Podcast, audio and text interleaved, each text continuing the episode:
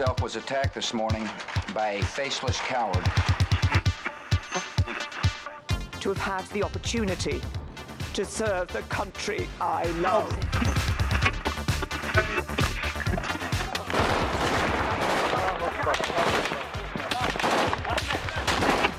Den Einsatz für Frieden und Freiheit in Deutschland, in Europa und in der Welt. We will southern border. I beg you, please do not fail on this.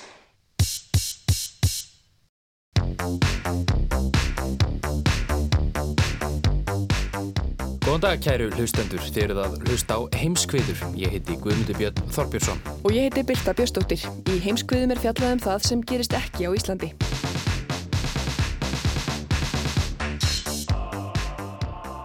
Það er eiginlega ekki hægt að halda út í vikulegum fréttaskýringaþætti á þess að fjalla um helsta fréttaefni í síðustu daga og vikna, COVID-19 veiruna.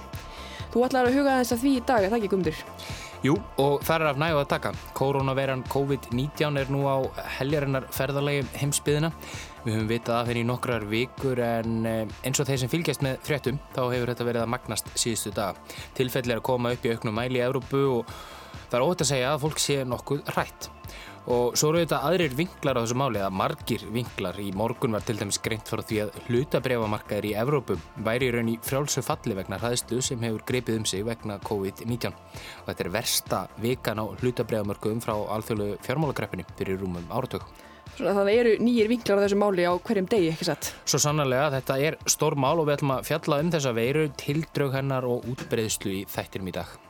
Og við ætlum að vera í stórumálunum, auk þess að fjalla um þetta stærsta fréttamál vikunar, ætlum við einni að fjalla um eitt stærsta fréttamál síðastleganar aldar, hvorki meira en minna. Morðið á sænska fósittisræðurinn Úlof Palmi. Já, í dag eru nefnilega 34 ár frá því Palmi var myrtur í miðborg Stokkólms. Ein umfangsmesta lauruglur rannsókn sögunar skilaði litlu sem engu. En nú loksins gæti ferðið að draga til tíðinda. Saksóknarar segjast vita hver myrti Palmi og talið er að glæpasagnahundurinn Stík Larsson hafi komið lauruglu á slóðina. Bjarni Petur Jónsson segir okkur meira frá þessu og eftir.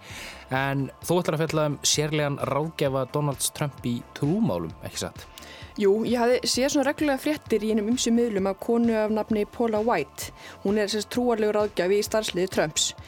Bæði fannst mér það býðsna áhuga verið titill og svo snýrist fréttinnar flestar um nexlun og einhverju sem hún hafi sagt. Við langaði því að vita þess meira um þessa konu og segja ykkur eftir að hverju ég komst. En við byrjum á koronavirinu, COVID-19, sem fer sem eldur í sínu um heimsbyðina. Fleiri en 80.000 manns hafa síkstafinni og tæplega 3.000 láti lífið af völdum verunar. En er heimsfaraldur í vændum eða er COVID-19 stormur í vasklasi? Guðmund Björn gjör þessu vel.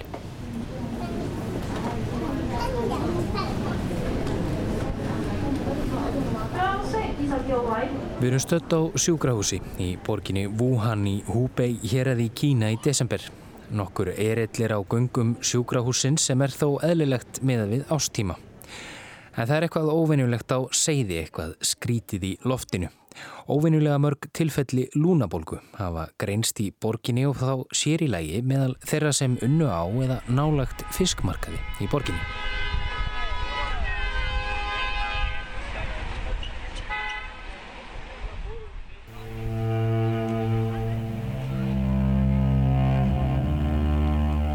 Fljóðlega var þó ljóst að þetta var engin venjuleg flensa sem var að ganga í Wuhan. Þann 31. desember tilkynntu kínversk stjórnvöld alþjóða helbreyðismála stopnuninni um þennan óvinnulega fjölda lúnabólgu tilfella í borginni. Orðið vírus eða veira var þó ekki á nokkursmanns vörum. Degi síðar var fiskmarkanum lokal. Viku síðar, 7. januar, barst önnur tilkynning frá kínverskum stjórnvöldum. Nýtt afbreyði svo kallarar koronaveiru hafiði verið greint. Við komum nánar að því síðar í þessum pisli hvað koronaveira er. Síðan þá hafa einungis liðið rétt tæpir tveir mánuðir, menn staðan er önnur og öllu alvarleiri. Yfir 80.000 manns hafa greinst með veiruna í öllum héruðum Kína og yfir 40 löndum. 9.000 þessara tilfella eru álitin lífshættuleg og veiran hefur dreyið tæplega 3.000 manns til dauða sem gerir útbreyslu hennar og eðileggingamátt skæðari en SARS veirunar eða HAPL sem er íslenska skamstöðun hennar en hún reið yfir árið 2003. Frettaflutningur síðustu daga veldur áhyggjum um heim allan. Víða eru stjórnvöld og heilbreyðsigur völd í óða önnað undirbúa faraldur vegna veirunar heimafyrir. Er heims faraldur í vendum eða er þetta stormur í vasklasi? Eitt er víst, fólk er að deyja og ekki er búist við því að það takist að þróa bóluefni á næstunni.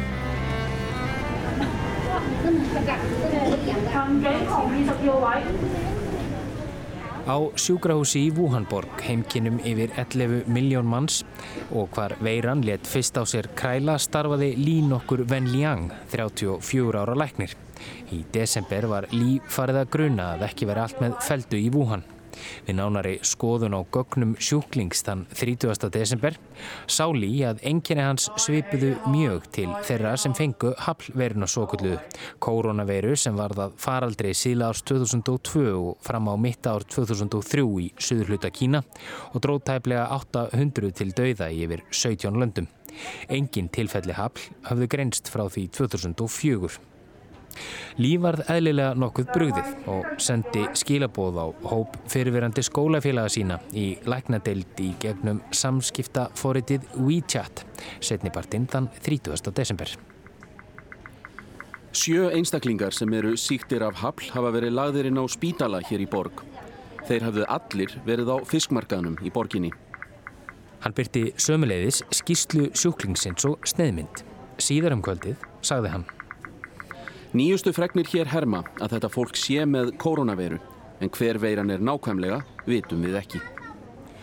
Þá bað Lí skólafélagana um að láta fjölskyldur sínar vita og grípa til viðeigandi ráðstafana. Fljótlega fóru skjáskót af skilabóðum Lís í almenna dreifingu.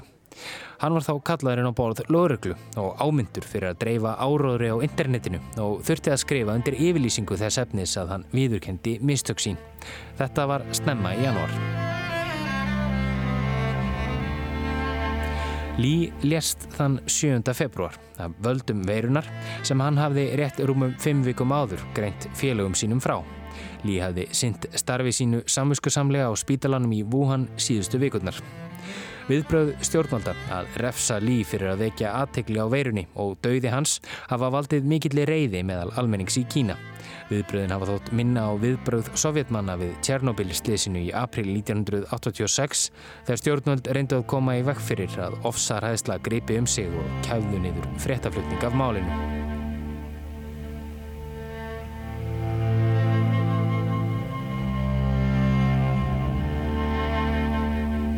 Nú er komið í ljós að Lý hafiði nefnilega ærna ástæði til þess að láta vita veirunni. Nokkur um dögum eftir að lauruglan ámyndi hann fyrir upplaupið þann 9. januar lest rúmlega 60 karlmaður, sá fyrsti sem veiran dróð til dauða. Sá hinn sami hafði verslað sjávarfang á umrætum fiskmarkaði í Wuhan. Engin meðferð virkaði og hann lest af völdum hjartabílunar. Tveimur dögum síðar var greint frá fyrsta tilfelli veirunar utan meginlands Kína í Tælandi, í konu sem hafi komið frá Wuhan skömmu áður. Á næstu dögum greindu yfirvöldi í nágrannaríkunum Malasíu, Singapúr, Suður Kóru, Vietnam og Tæfan frá því að tilfelli hefðu greinst þar og auk þess í bandaríkunum, Fraklandi og Ástralju. Þann 24. januar hafðu 26 látið lífið að völdum veirunar í Kína og yfir 830 sigstafenni. Kínversk stjórnvöld greipi til þess að ráðs að setja átján borgir í Húbei hér að í Sótkví, borgir sem telja yfir 56 miljón íbúa samanlagt. Tilfellum í Kína fór ört fjölgandi og undir loki janúarmánaðar lísti alþjóða helbreyðsmálastofnunin yfir neyðar ástandi og heimsvísu í kjölfarið að yfir 170 hafðu látist í Kína vegna veirunar og tæplega 8.000 tilfelli hafðu verið greint í landinu. Það eitt að lýsa yfir neyðar ástandi síndi svart á kvítu að eitthvað var sannarlega óvinnulegt og aðkallandi að eiga sér stað og voru yfirvöld út um allan heim hvert til þess að undirbúa mögulegan faraldur. Þann annan februar var greint frá fyrsta döðsfallinu vegna verunar utan meginlands Kína á Filipsheim. Aftur var það maður sem hafi komið frá Wuhan sem bar veruna með sér. Á valentínusardaginn þann 14. februar var greint frá fyrsta döðsfallinu í Evrópu að völdum verunar í Fraklandi af öllum stöðum. Þá varð Egiptaland fyrsta landið í Afrikum hvar veiran steg niður fæti sama dag og ljóstað veiran var á hraðri leið með að dreifa sér um heiminn. Þegar þessi orð eru lesin í hljóðveri ríkisútarpsins hafa tæplega 3000 manns látið lífið af völdum veirunar og yfir 80.000 manns greinst með hana átum heim allan. Á hverjum degi greinast smit í fleiri löndum. Það likur því beinast við að spyrja hvað í óskupunum er þetta fyrirbæri sem herjar nú á heimsbyggðina. Upphaflega var talað um Wuhan-veiruna, svo koronaveiruna, 2019 NCOV og loks COVID-19 eins og hún er núkalluð í daglegu tali. Veiran er afbreyði koronaveiru en koronaveirur valda ímsum kvillum í bæði mönnum og dýrum. Þær eru meðal annars ástæðan fyrir vægum kvillum á borð við kveði en einnig alvarlegri eins og lúnabolgu. Þegar búið var að greina veiruna sem nýtt afbreyði koronaveiru var henni gefið fræði heitið 2019 NCOV sem vísar til þess að hún greindist árið 2019 og er ný tegund eða novel og fyrir það stendur ennið af koronaveiru. Sem sagt, koronaveira sem hefur ekki fundist áður. Frá 11. februar hefur sjúkdómurinn sem veiran veldur verið kallaður COVID-19 samkvæmt fyrirmælum alþjóða helbriðismálastofnunarinnar. K stendur fyrir korona, VAF fyrir vírus eða veiru, D fyrir disease eða sjúkdóm og 19 fyrir árið 2019. Við skulum því bara halda okkur við COVID-19. Enginni COVID-19 eru ekki ólík því sem við þekkjum þegar við fáum flensu. Hósti, hiti, beinverkir og vöðvaverkir og þreita eru algeng enginni. Þá eru kviðverkir, ógleði, uppköst og niðurgangur einnig enginni COVID-19 en í minnamæli. Alvarlegri enginni eru öndrunfæra síking og lúnabólka. COVID-19 smittast manna á milli með hefðbundnum smitleiðum eins og með hnerra eða hósta. Enn sem komið er, er ekki búið að greina nákvæmlega hverjir eru í helsta áhættuhópnum fyrir að smitast af COVID-19. Flestir þeirra sem veiran hefur dreyið til dauða eru annars vegar aldrað fólk og hins vegar fólk með undirlíkjandi sjúkdóma, til dæmis hjarta- og lúnasjúkdóma, síkursíki eða livrasjúkdóma. Þá verast börn síður smitast en fullornir. En svo staðan er í dag er engin sértæk meðferð til við COVID-19 og ekkert bóluefni hefur verið þróað, en það tekur það langan tíma. Meðferð fælst fyrst og fremst í því að vakta sjúklingin og sinna grunn þörfum hans.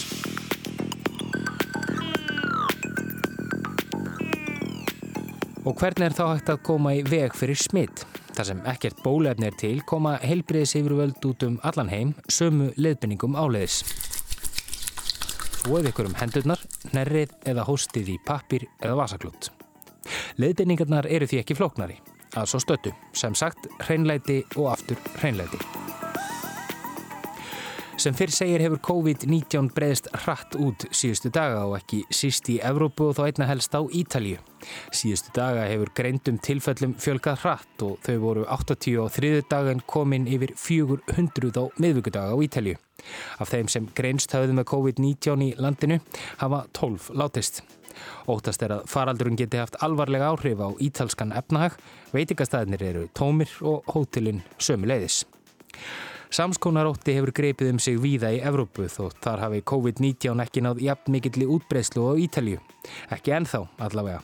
Fyrstu tilfelli sjúkdómsins kom upp í Östuríki, Kroatíu, Greiklandi, Sviss, Georgiu, Norður-Makedóniu og hjá nágrunum okkar í Nóri og Danmörku síðustu daga. Sjúklingarnir hafðu margir hverjir dvalið nýverið á Ítalju. Á miðvíkudag greindi alþjóða heilbreyðismálastofnuninn frá því að veiran breyðist sífælt hraðar út utan Kína. En sem komið er er COVID-19 koronaveran og útbreysla hennar þó ekki skilgrend sem heimsfaraldur.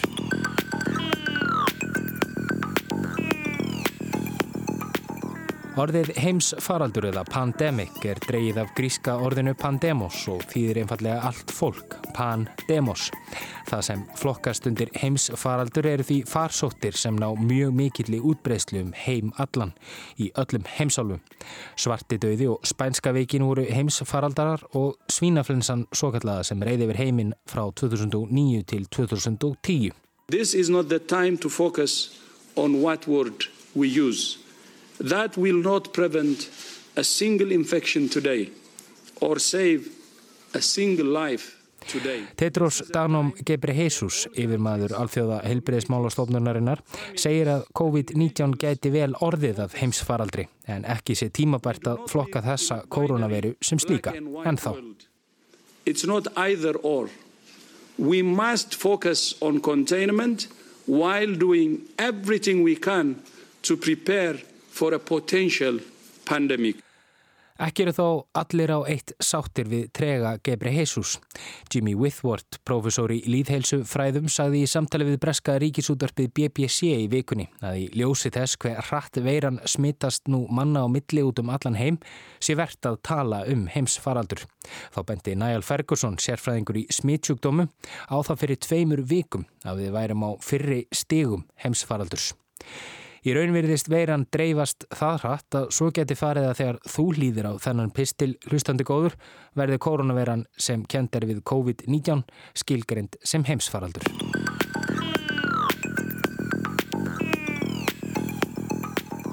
En hvað sem öllum skilgreiningum líður er ljóstað fólk og heilbreyðis yfir völd út um heim allan eru farin að líta á útbreyðslu COVID-19 en alvarlegri augum en áður og víðar gætir áhrifana. Í vanþróðum ríkjum er hættan einna mest. Vitað er að fjöldi fólks hefur greinst smitað í Íran en engar ofinberjar tölur hafa borist frá stjórnvöldum ennþá. Hassan Rouhani, fósetti landsins, hefur sagt að engin áform sé um að setja einstaka bæi eða landsvæði í sóttkví. Þá hafa 24 verið handteknir í Íran fyrir að dreifa orðrómi um COVID-19. En margir íbúar landsins óttast að heilbreyðsegurvöldi í landinu séu ekki stakk búin til að takast á við faraldur af þessu tægi. Starfandi heilbreyðsar á þeirra landsins, Íraj Harici, komst í heimsfrettinnar á dögunum þegar hann þótti svitna ótæpilega á bladamannafundi í vikunni. Sjálfur hefur hann leið undir ásökunum þess efnis að hann hafi reynd að draga úr frettaflutningi af útbreyðslu veirunar í landinu. Og svo viti menn kom í ljós að hann var sjálfur smitaður af COVID-19.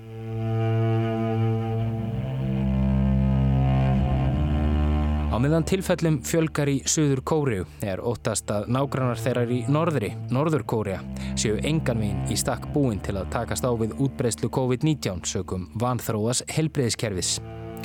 Og tilfellin greinast jæmt í vanþróðum ríkjum sem þróðum. Meðal þeirra þróður eru sjálf bandaríkin en Donald Trump, bandaríkjafósiti, hefur þó dreigið í efa að COVID-19 sé hættulegri en venjuleg flensa. Wash your hands, stay clean. You don't have to necessarily grab every handrail unless you have to. You know, you do certain things that you do when you have the flu. Trump fór mikinn á bladamannafundi í gær og saði bandarísk stjórnvöldi stakkbúinn til að takast á við faraldurum. This is, I, I really think, Doctor, you want to treat this like you treat the flu, right? And, you know, it's going to be, it's going to be. Og vísindamenn sé á fullu að þróa bóluefni. En líkt og komið var inn á áðan er ekkert bóluefni í auksin í bráð. Ekki nema Trump viti meira en við. Sem er svo sem ekki útilokað þar sem hann er fórseti bandarækina, en þið vitið. Þá hefur útbreysla COVID-19 þegar haft umtalsverð áhrif á daglegt líf fólks og meðal annars íþróttaviðbyrði. Fjöldi leikja hefur verið frestað á heimsleikunum í Ruby Six Nations og þegar hefur verið hægt við keppni í Formúlu 1 kapakstrinum sem átt að fara fram í Kína í apríl. Þá fer Evrópikeppnin í fótbolta fram í sömar víða um Evrópu. Michelle Uva frá Evróska knattspilnusambandinu UEFA sagði í vikunni að sambandið væri í viðbrastöðu en ljóst væri að viðbyrðum er þið aðeins aflýst ef ástandið versnar. Fjórir leikir að fara fram í Rómarborg á Ítali en þegar hefur leikjum í Serie A efstuðið ítalskrar knattspilnum verið frestað. Fimm leikir fara fram fyrir luktum dyrum um helgina. Talsmaður ólimpíuleikana í Tókjó sem fara fram í júli og ágúst hefur sagt að undirbúningur leikana sé samkvæmt áallun. Dick Pound frá Alþjóða ólimpíunemdini hefur hins vegar sagt að það þurfi einfallega að hætta við leikana verði koronaveiran að alvarlegum heimsfaraldri. Og þá hefur stærsti bjórframleðandi heims, ABENBU, sem framleiðir meðal annars Budweiser, Stella Artois og Corona, þetta er ekki kalt henni, sagt að koronaveiran hafi kostað framleiðandan 300 miljónir bandrækjadólara þar sem að vera ári. Það er kannski ekki rétt að hækka í Mozart alveg strax. Dagur reyðinar er ekki komin enn. Við vonum öll það sama að hægt verða að koma böndum á COVID-19 og útbreðslu verunar. Það tókst að halda haflveirin í skefjum sem reyði yfir frá 2003 til 2004. Hið sama má segja um svínaflensuna. Þá hafa yfir 30.000 af þeim riflega 80.000 sem hafa greinst með COVID-19 þegar náð sér að fullu. Það er nefnilega alls ekki þannig að þóttu fáir veiruna sé all von úti. Fólk myndar þól fyrir koronaveirum og það er einn ástæða þess að tilfellum þeirra fækkar. Flestir sem veirar hefur dreyið til döða var eldra fólk eða 80%. 75% þeirra hefðu átt við langvarandi hilsuvandamálað stríða. Alþjóða helbreyðsmálastofnunin leggur áherslu á að þetta sé ekki heimsfaraldur, þótt talað sé um neyðarástand. Þótt bóluefni sé ekki á næstu grösum, er ekki lóku fyrir það skotið að það sé hægt að lækna fólk af sjúkdómnum með því að nota liv sem þegar eru til, eitthvað sem vísindamennum heim allan eru nú að kanna.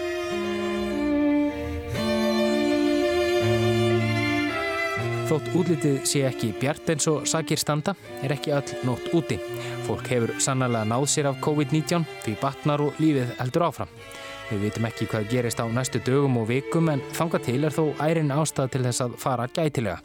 Ferðalög til svæða þar sem tilfelli hafa greinst í miklu mæli eru ekki ráðlög og svo þetta gamla góða vísan sem aldrei er ofaft kviðin að fósir um hendunar.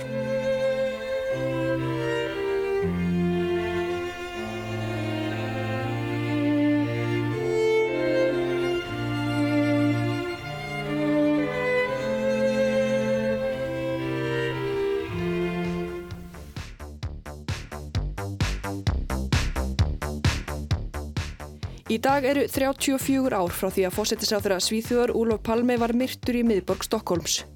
Við tók einn umfangsmesta laurugluransókn sögunar sem hefur litlu sem engu skilað, allaveg ekki enþá.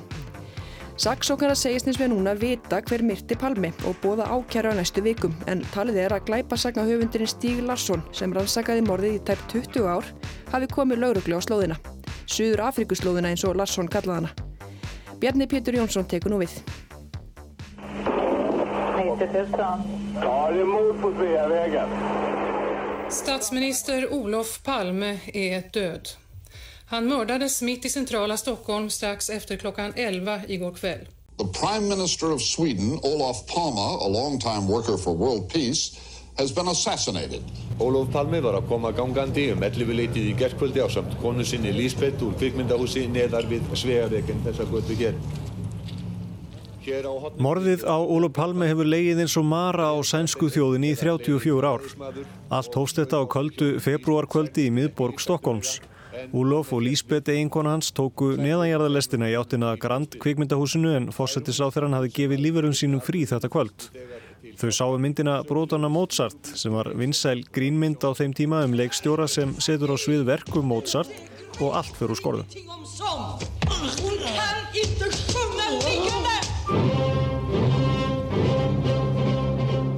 Úlof og Lísbeth Palme gengu líklega gladbeitt út úr kvikmyndahúsinu og í átt að heimili sínu í gamla bænum í Stokkólmi.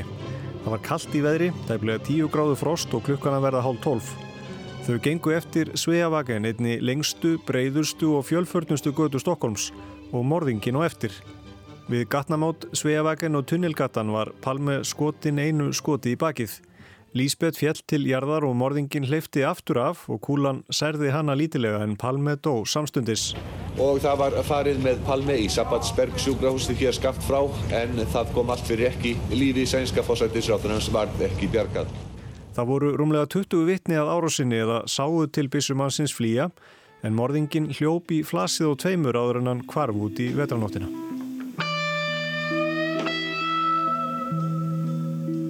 Sjónavottar gáðu flestir mjög óljósa lýsingu af morðingjanum sem stönguðust stundum á hver við aðra. Það eina sem hönd á festir, morðingin er kvítur karl á fertúsaldri, meðal maður á flesta vegu með derhú og í dökkum frakka. Hann skaut Ólo Palme til bana og hljóp síðan upp tröpputnar við tunnelgatan og þar verður slóðin kvöld. Þetta er það sem kalla má staðreindir í málinu og lauruglur ansóknin hefur ekki fjölgaði mikið eftir 34 ár og viðtölvi meira en 10.000 manns. En það er ekki skortur á kenningum og sumar þeirra eru lífsegar samsæriskenningar um að sænska lauröglan hafi átt hlutamáli, verkamannaflokkurinn PKK eða nínasistar sem vildu palmi feigan vegna stjórnmálaskoðanans. Tveimur árum eftir morðið var Kristir Pettersson svo handtekinn en hann var ógæfum aður og góðkunningi lauröglunar. Hann fekk lífstíðardóm, aðalega vegna sakbendingar Lísbetar ekki palmi, en laurögla hafiði sagt henni að morðingin væri mikill drikkjumadur. Pettersson var stilt upp við hlið nokkura ungra lauruglumanna og Lísbeth benti á hann sem var síðan síknaður í yfirrétti, aðalega vegna þessar megin gölluðu sakvendingar.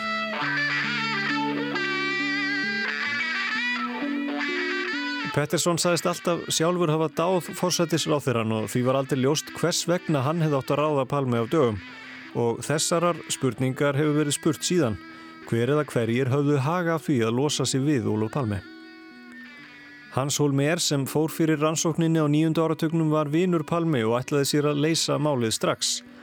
Hann byrjaði á PKK-spórinu og vek vartla af því. Þar til Krister Pettersson tók alla aðteklina og mótaði lengi vel öll störf lauruglunar.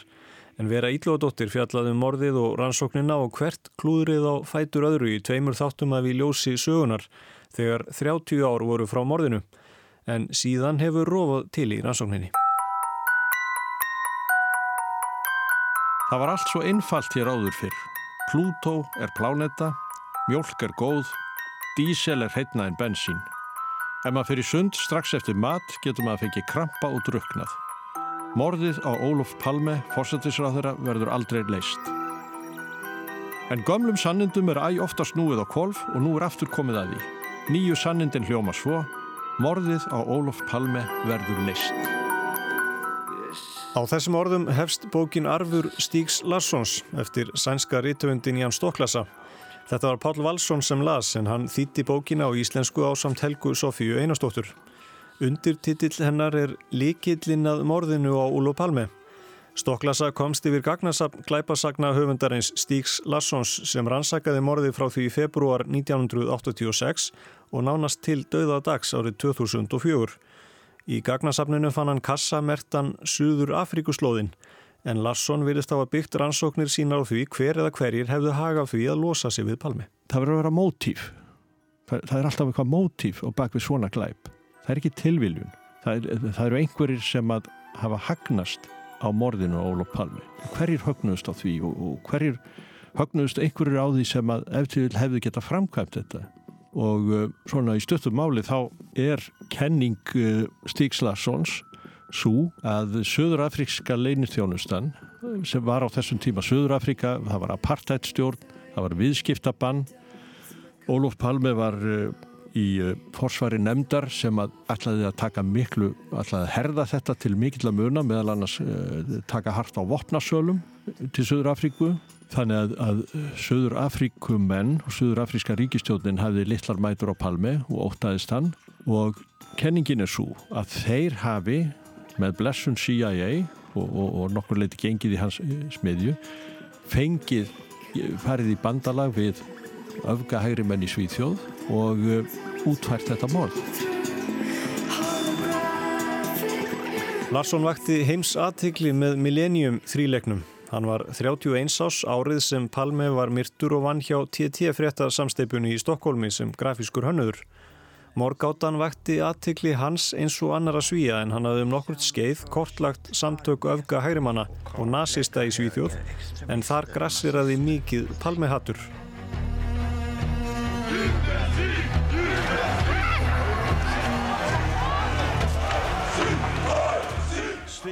Strax í janúar 1987, tæpu ári eftir morðið, sendi Larsson lauruglu 30 síðna minnisbladum sænska njósnaran Bertil Vedín sem hefði tekið þátt í skipulagningu tilræðisins. Larsson komst í gögnum Vedín í gegnum sambönd breska aktivistans Jerry Gable hjá bresku leinithjónustunni. Gable rít stýrði Searchlight, blaðir sem fjallaði um uppgang augamanna í Evrópu. Árið 1983, þremur árum áður en Palme var myrtur, gerðist Larsson nokkus konar fréttarítari Searchlight í Skandinavíu og skrifaði þar greinar um Palme morðið og uppgang augamanna samhliða öðrum störfum. Þeir Geibul þekktust því ágætlega en Lórakla gerði lítið með upplýsingarnar um Bertil Vedín og hans hlut en hann hafði unnið fyrir leini þjónustu Suður Afríku. Larsson skrifaði þetta minnisblad aðeins þremur vikum eftir morðið á Palmi. Í þessum vangaveltum er líka sá möguleiki að söður afrískir hagsmunir komi við sögu í morðinu. Palmenemdin, þar sem Palme sjálfur var mikilvæg persona, hafði hleyft af stað áróðurs herrferð gegn þeim vopnasölum sem áttu viðskipti við apartheid stjórnina. Stíg Larsson held rannsóknum áfram en tíu árum síðar að mótni förstu dagsins 27. september 1996 fekk hann símtal. Jerry Gable var á hinum enda línunar. Jæja, þá er þyrnir og svöknuð af tíur á svefninum. Suður Afrikumennir eru farnir að benda hver og annan. Benda hver á annan fyrir hvað? Að sögn Eugene de Kock og Peters Castleton var palmemorðið skipulótt af Craig Williamson með aðstóð Bertils Wedin. Nákvæmlega eins og við heldum fyrir tíu árum. Grafði upp skjöliðinn frá þeim tíma og farða að skrifa. Nú fór Stíg Larsson á fullt. Gat verið að lausnin á palmemorðinu lægi í minnisblöðum sem hann hafi skrifað fyrir áratug og upplýsingum sem hann hafi sendt til öruglu. Lítum á nafnasúpuna í samtali þeirra Djerris og Lassons. Bertil Veitín er sænski njóstnarinn sem vann meðal annars fyrir leinithjónustur Breitlands, Bandaríkjana og Suður Afríku. Craig Williamson var vestur þýsku ríkisborgari og njóstnaði meðal annars fyrir leinithjónustu Suður Afríku. Hinnir tveir, Castleton og de Kock, voru leiguliðar sem hefði unnið fyrir Suður Afrísk yfirvöld. En Lasson var hissa. Hvers vegna voru þeir að benda hver á annan? 1996 var apartheid stjórnin í Suður Afríku fallin og Nelson Mandela hafi verið fórseti í tvö ár. Sannleiksnemnd var nýtekinn til starfa til að varpa ljósi á glæpi apartheid tímans og eftir að það var að veita sakar uppgjöf keftust útsendarar frá leinithjónustinu við að varpa ábyrð hver og annan til að bjarga eigin skinni. Við höfum áður fjallaðum að partættíman í heimskviðum og áhrif hans á suður afrýst samfélag. Þar á ofbeldismenning djúpa rætur og ofbeldi þykir sjálfsagt enn í dag, hvað þá á nýjunda áratögnum þegar partætstjórnin var við líði. En kenning Stígs Larsson tegir sér víðar og hér er nú líklegt að glæpasagna höfundurinn hafi sjálfur fyllt í nokkrar eður. Um miðjan nýjunda áratugin voru einna mestu stríðsátökin í heiminum annars vegar milli Írana og Íraka og hins vegar stjórnarhers Nicaragua og kontrasveitana sem bandaríkin stuttu. Bandaríska leinithjónustan seldi ólögleg vopn til Írana til að fjármagna kontrasveitinnar í Nicaragua. Þetta var gert fram hjá bæði þingi og þjóð og fór nærið fyrir að kosta Ronald Reagan bandaríkja fórseta fórsetastólinn. Árið 1985 áttu Bandaríkin, Íran og Suður Afrika í miklum vopnaviðskiptum sem sænska vopna eftirlitsstofnunin stöðvaði og því sátu ríkin þrjú saman í súpunni. Eftir sigur sósialdemokrata í þingkostningum í Svíþjóð árið 1985 var ljóst að Úlo Palme erði áfram við völd og myndi gera sitt til að stöðva þessi viðskipti, reyna að koma apartheidstjórnin frá völdum og jafnvel koma upp um Íran kontranhegslið. Sankvært Lasson var endanleg ákverðunum að myrðapalmi tekin í sumarlokk 1985.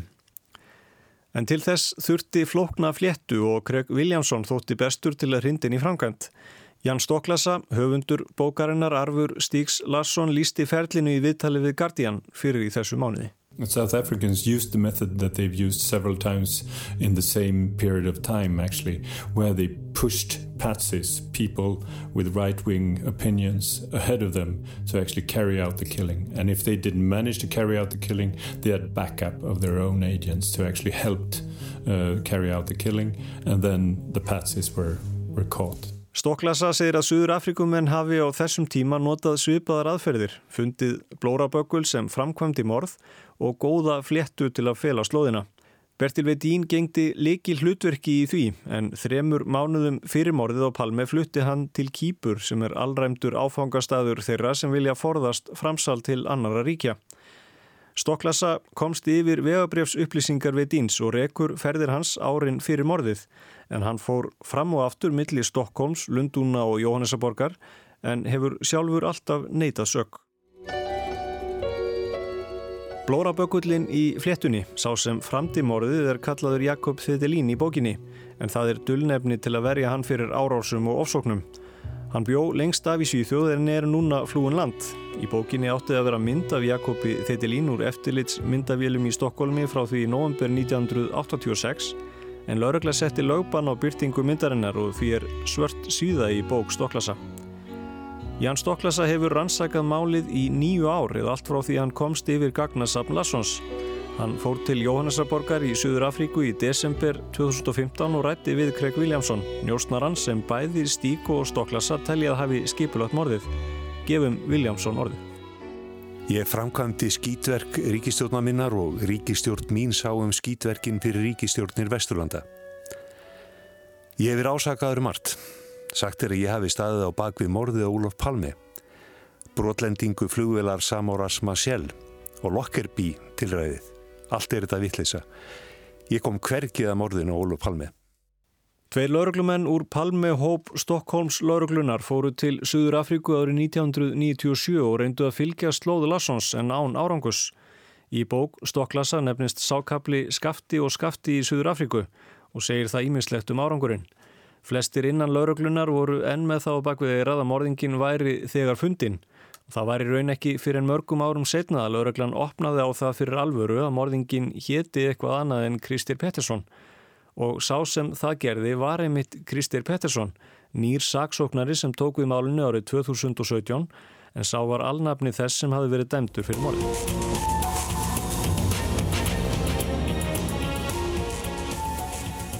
Sænskir fjölmiðlar hafa alla tíð fjalla mikið um orðið og það hefur verið aðal umfjöllunarefni síðustu tvekja þátt af glæpum vikunar vekans brott í sænska ríkisjónarpinu. Pettersson var gestur þáttarens í síðustu viku og Hans Melander sem nú stýrir rannsókninni var gestur núna á þriðutaskvöldið. Pettersson rætti við Kamilu Kvartoft og saðist vita hver framtímorðið og að ákjæra verði byrt á næstu vikum eða mánu. Ég känner mig fortfarande positiv att vi ska kunna presentera vad det är som har hänt den 28 februari 1986. Vad det är som har hänt? Hur då menar du? Ja, kring, mordet och vem som är ansvarig för mordet och uh, hur det ligger till. Hans Melander staðfesti svo á þriðudaginn að rannsókninni værið að ljúka og rannsækjandum værið að takast ætlunarverkið en það er í fyrsta sinn sem þeir sem stýra palmehópnum svo kallað að segja eitthvað á þessa leið. Þeir virtust báðir mjög bjassínir en gáðu ekkert upp um hvaða stefnu rannsóknin hefði tekið. Sænskir fjölmiðlar sé að tvent koma til greina. Annars vegar að skandíamaðurinn Stíga Engström hafi myrt Palmi en hann var á morðvettvangi og gaf skrítnar og misvísandi upplýsingar um ástæður þess en hans hólmeir og hans menn ánast hunsuðu. Hann er nú látin en hann vann hjá Skandía tryggingafyrirtækinu en skrifstofur þess eru skamt frá þeim stað þar sem morðið var framið. Og hins vegar er það Suður Afríkuslóð Lassons og Stokklasa. Þessi mikla og skindilega bjassíni rannsakenda gefur til kynna að þeir hafi raunveruleg sönnunagögn undir höndum sem hefur verið mikill skortur á í þessari rannsókn og án morðvopsins verður erfitt að skera úr um það hver það var sem myrti Úlof Palmi. Ég veit að, að sá maður sem að, að stokklassa telur að hafi myrt Ólof Palmi að hann er flúin land, hann er farin í felur og ég veit að lögreglan tók öll þessi gögn og taldi þau mjög aðtiklisverð og er að vinna úr þeim. En eh, hins vegar er þessi rannsókn og saga hennar eh, svo mögnuð að sumir segja að það verður aldrei hægt að dæma neitt fyrir morðið Ólof Palme nema morðvopnið finnist og um, Stokklasa telur að, að það sé það, það, það sé ennþá morðvopnið sé ennþá til staðar. Hann er með þá kenningu að það sé í Örgishólfi í, í Stokkólmi og, og um, en við verðum bara að sjá hvað setur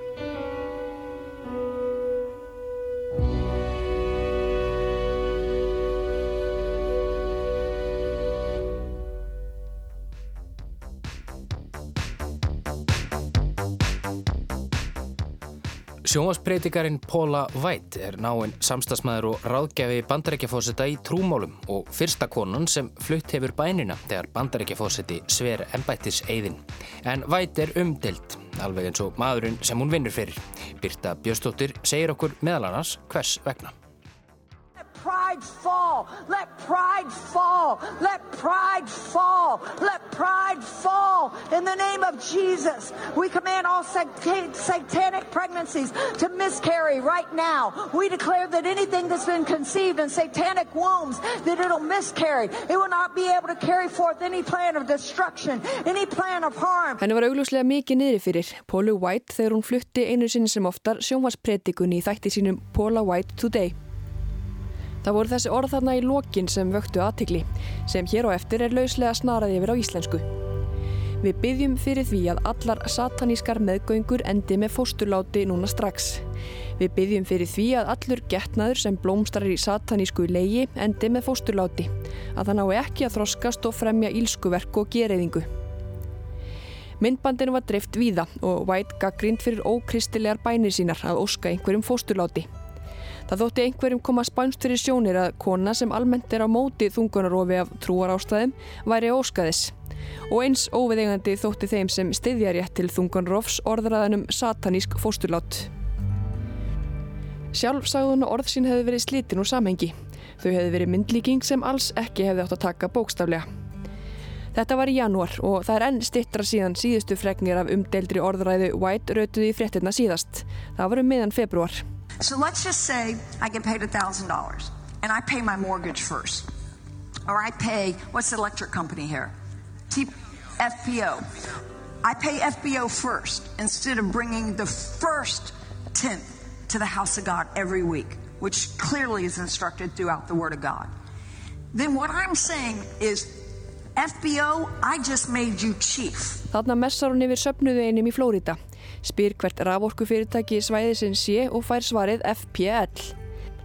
Segir svo að þau sem ákveði um hver mánaðamót að greiða af húsnæðisláni sínu eða raforkureikningana til FPL áður en þau greiði tíund launar sinna til kirkunar eins og skýrt sé bóðað í biblíunni, séu þau í raun að gera FPL að leiðtóa lífsins að grunninum á tilverunni. Næsta mál á dagskrá sé því líklega að byggja raforkufyrirtækið um að lækna sjúk börn, finna tíndar sálir og að opna dyr fyrir stöðuhækun. I just made you the basis to support all structure. So FBO, heal my child. FBO, find my children that are lost. FBO, open the door for me to get promotion. FBO, I serve you. FBO, I honor you to redeem off of me the curse that is upon all mankind. Because you have just made FBO the first, because you gave the first $100 to pay your electric bill. You see, there's a divine accurate order. People pay tithe, but they pay it in leftover. Fyrir þetta voru gaggrínt að hvetja fólk til að láta ramasreikningana og húsnæðislán sitja á hakanum en innbeita sér því að greiða tíun til kirkunar. Gott og vel, Paula White er alls ekki eini sjónvarspredikarinn í bandaríkjunum og ekki einum skoðanir sínur og trú. Sem betur fyrir rúmast fjölmarkar trúaskoðanir og meiningar innan bandaríkjuna og öllum ætti að vera frjálst að hafa þeirra vilt. En ástæða þessa orð sjónvarspredikarans Pauli White rautuði fjölmila viða um heim er svo að White hefur örlítið aðra stöðu en aðrir kollegarinnar. Hún tilir núna starfsliði Donald Trump bandaríkjafósita. En hver er þessi kona? Paula White Kane er á 54. aldursári, gift og eitt barn. Hún er sjónvarspredikari og hefur þjónað í evangelískum söfnuðum. Without Walls hétt söfnuðurinn sem White og fyrri eiginmaður hennar fóru fyrir á árum áður. Ríkmannlegur lífstíl White hjónuna þótti einhverjum grunnsamlegur og þryggja ára rannsók fór fram á ásökunum um að þau hjónin hefðu farið helst til óvarlega með fíð sem tilherði söpnuðinu. Málnu laug með því að söpnuðurinn einfallega lagði upp laupana en hjónin voru aldrei kærð. Sjálf hefur hún margóft sagt að auður sé Guðs blessun. Skoðun sem einnig hefur fengið þau sem líkar ekki orðræðan til að kalla hana lottara. Þá sérstaklega þegar White getur þessi predikunum sínum að Guð launi þeim sem styrki kirkjuna fjárhanslega. Eftir að Without Walls söpnuðurinn hætti í leiknum þjónaði White í New Destiny Christian Center á samt því að standa í brúni í sjómanstættunum Paula White Today. Og nú starfa hún fyrir fósitabandaríkjana samhliða sjómanspredikunum. Samband hennar og Donald Trump nær bísna langt aftur. Þau hafa þekst frá því um síðustu aldamót svona um það byll. White greindi meira segja frá þeirra fyrstu kynnum á áður nefndum fyrirlestri í Flórida. Hún segir Trump hafa sett sig í samband við sig áður 2002 eftir hann sá eina af sjómaspredikunum hennar og þótti mikið til hann að koma. Og það er kannski ekki skrítið.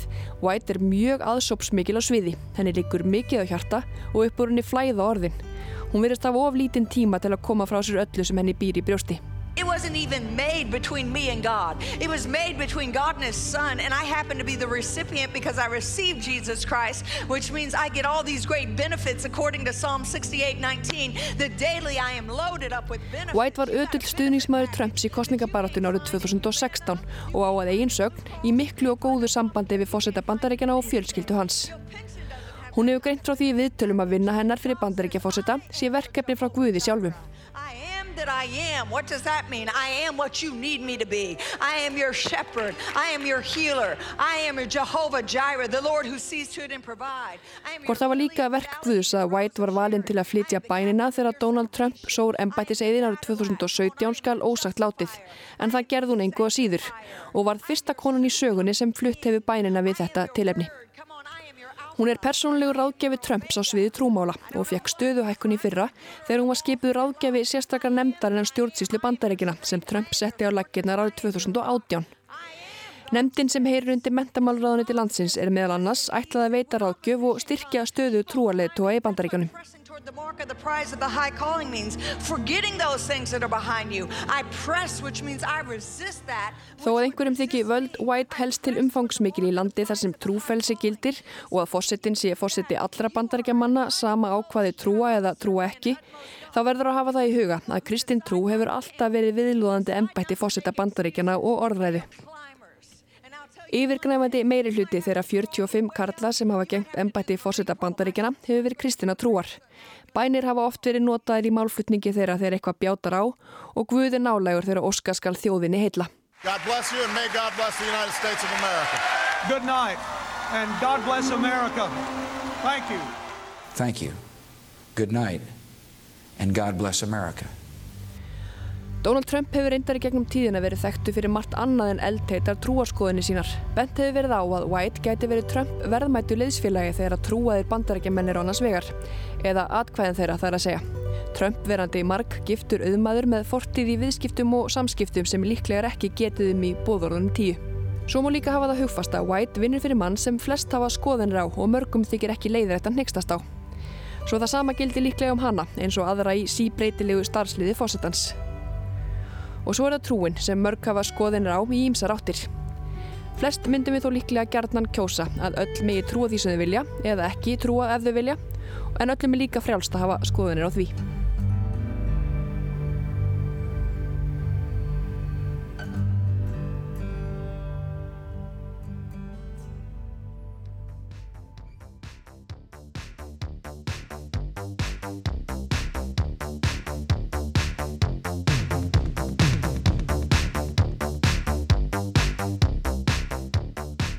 Heimskuður verð ekki fleiri þessa vikuna. Þátturinn er aðgengilegur á öllum hlaðvarpsveitum til að mynda Spotify, iTunes og öllum hinnum. Já og við minnum á að það er hægt að gerast áskrifandi að þáttunum á hlaðvarpsveitunum öllum. Þá koma nýjar heimskviðir í snjáltækið þitt vikulega án þess að þú eru að gera nokkuð. Þess á milli má svo dunda sér við að lesa ítalega fréttaskýringar um efni þáttarensinn á webnum okkar rúf.is og svo má þetta senda okkur tölvupóst á heimskviður.rúf.is Já, við viljum endilega heyra frá ykkur kæru hlustendur. En í byli þökkum við þeim sem plýtu og heyrumst í næstu viku.